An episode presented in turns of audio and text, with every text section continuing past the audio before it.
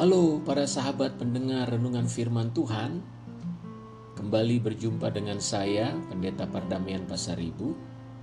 Dan saat ini saya ingin berbagi renungan firman Tuhan Yang terambil dari Injil Matius pasal 13 ayat 18 sampai 23 Karena itu dengarlah arti perumpamaan penabur itu kepada setiap orang yang mendengar firman tentang kerajaan sorga tetapi tidak mengertinya, datanglah si jahat dan merampas yang ditaburkan dalam hati orang itu. Itulah benih yang ditaburkan di pinggir jalan. Benih yang ditaburkan di tanah yang berbatu-batu ialah orang yang mendengar firman itu dan segera menerimanya dengan gembira. Tetapi ia tidak berakar dan tahan sebentar saja Apabila datang penindasan atau penganiayaan karena firman itu, orang itu pun segera murtad. Yang ditaburkan di tengah semak duri ialah orang yang mendengar firman itu, lalu kekhawatiran dunia ini dan tipu daya kekayaan menghimpit firman itu sehingga tidak berbuah. Yang ditaburkan di tanah yang baik ialah orang yang mendengar firman itu dan mengerti, dan karena itu ia berbuah. Ada yang seratus kali lipat, ada yang 60 kali lipat, ada yang 30 kali lipat.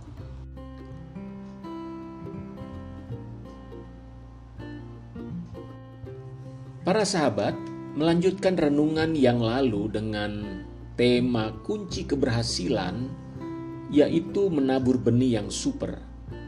Maka renungan kali ini kita akan membahas kunci keberhasilan yang kedua dengan tema menanam di tanah yang subur. Dalam pembacaan firman Tuhan yang tadi sudah para sahabat dengar, Tuhan Yesus dalam penjelasannya tentang arti dari benih yang jatuh di empat jenis tanah yang dilakukan oleh seorang penabur adalah yang pertama, benih yang ditaburkan dan jatuh di pinggir jalan adalah orang yang mendengar firman kerajaan sorga namun tidak mengertinya. Lalu dikatakan datanglah si jahat dan merampas yang ditaburkan dalam hati orang itu. Mendengarkan firman Tuhan atau membaca firman Tuhan sering dilakukan banyak orang. Namun mereka tidak mengerti, tidak memahami apa yang didengar. Tentu saja ini merupakan masalah yang dihadapi banyak orang Kristen bagi mereka, firman Tuhan adalah sesuatu yang sulit untuk dipahami atau sulit untuk dicerna. Akibatnya sering kali mereka mendengar firman Tuhan mengantuk ketika mendengar khotbah di gereja ataupun membaca Alkitab. Itulah sebabnya mereka pulang dari ibadah, namun jiwa mereka tetap kosong, biasa saja. Tidak ada sukacita, dan tidak memperoleh apa-apa. Tapi mereka merasa sudah melaksanakan kewajiban mereka sebagai orang Kristen dengan datang beribadah. Nah, lama-kelamaan bagi mereka ibadah bukan lagi hal yang penting untuk dihadiri karena mereka merasa tidak ada manfaatnya untuk beribadah. Tentu saja kehidupan rohani mereka tidak akan berbuah. Tidak ada keberhasilan seperti yang Tuhan janjikan. Jenis tanah yang kedua adalah di mana benih itu jatuh. Adalah tanah yang berbatu-batu. Digambarkan ini adalah jenis orang yang menerima firman dengan gembira, hatinya senang sekali. Tapi karena tanah yang berbatu-batu, maka akar tanaman yang tumbuh tidak dalam dan juga tidak kokoh. Mereka adalah orang yang respons terhadap firman Tuhan, mereka mungkin memahami makna atau arti dari firman Tuhan. Mereka senang untuk menerima firman Tuhan. Tetapi firman itu tidak berakar dalam. Karena dalam kehidupan mereka masih banyak batu-batu yang menghambat firman untuk bertumbuh. Yaitu komitmen mereka untuk melakukan dan mentaati firman tidak cukup kuat. Sehingga ketika ada tantangan, penindasan, ataupun aniaya karena firman atau karena apa yang mereka tahu dari firman Tuhan, maka mereka mudah sekali untuk murtad atau mudah untuk menyangkali imannya. Sangat disayangkan bukan kalau banyak orang Kristen yang tanpa disadari sedang meninggalkan imannya karena tidak bersedia untuk taat kepada firman Tuhan. Mereka ingin mengejar keberhasilan, namun juga mengorbankan iman dan ketaatan serta kesetiaan mereka kepada Tuhan. Selanjutnya, bagian yang ketiga atau jenis tanah yang ketiga adalah tanah yang mengandung semak duri. Tuhan menjelaskan bahwa jenis tanah ini menggambarkan orang yang menyambut firman Tuhan, lalu kekhawatiran dunia ini dan tipu daya kekayaan menghimpit firman itu, sehingga tidak berbuah. Para sahabat, sayang sekali ya, kalau firman yang diterima terhambat pertumbuhannya, karena dalam hati mereka banyak kekhawatiran serta keinginan duniawi yang justru menghambat firman untuk bertumbuh dan berbuah. Mereka lebih menginginkan perkara-perkara duniawi daripada perkara-perkara rohani. Pengaruh kesenangan duniawi lebih kuat bagi mereka. Walaupun mereka senang mendengarkan firman Tuhan, namun mengejar kesenangan dunia lebih penting dan lebih utama. Mereka tidak terlalu peduli dengan firman Tuhan yang berkata, "Matikanlah keinginan daging." Sebab bagi mereka, mengejar kesenangan dunia adalah hal yang penting. Nah, jenis tanah yang keempat ini adalah tanah yang luar biasa. Tanah ini adalah tanah yang subur. Kenapa? Karena tanah ini menghasilkan buah yang berkali lipat. Ada yang 30, 60, dan 100 kali lipat.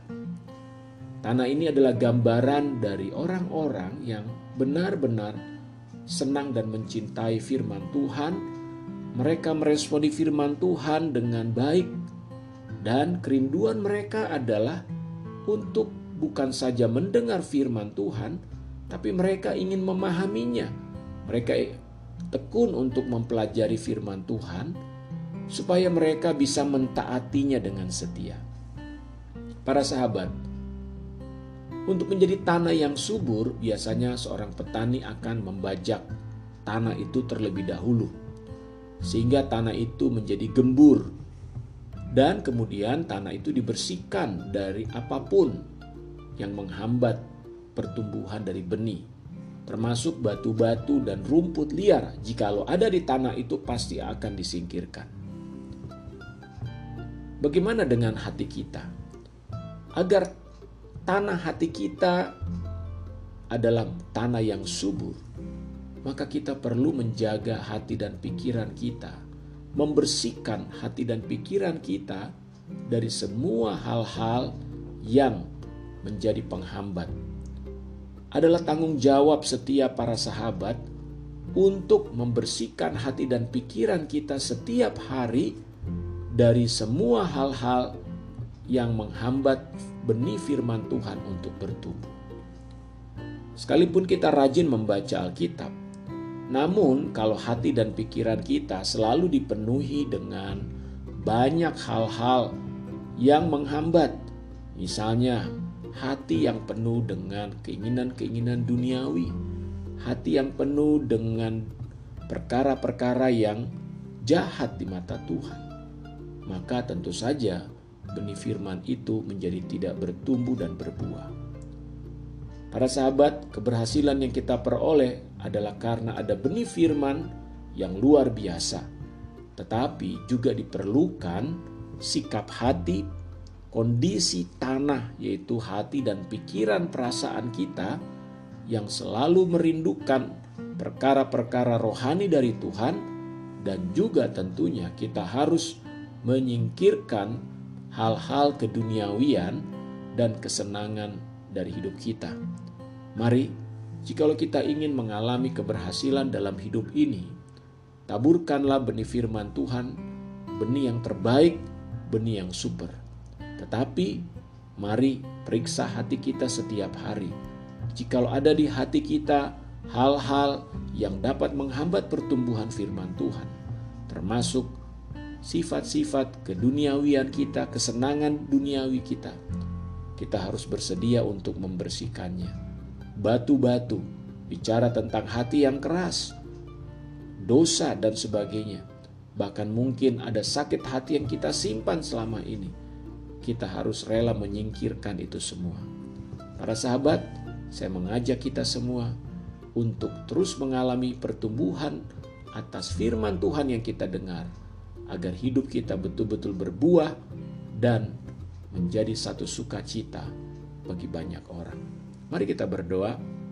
Bapa di sorga, terima kasih untuk kebenaran firman-Mu yang boleh kami dengar dan renungkan pada saat ini. Tuhan, Engkau menginginkan agar hidup kami berhasil dengan berbuah dalam hidup ini.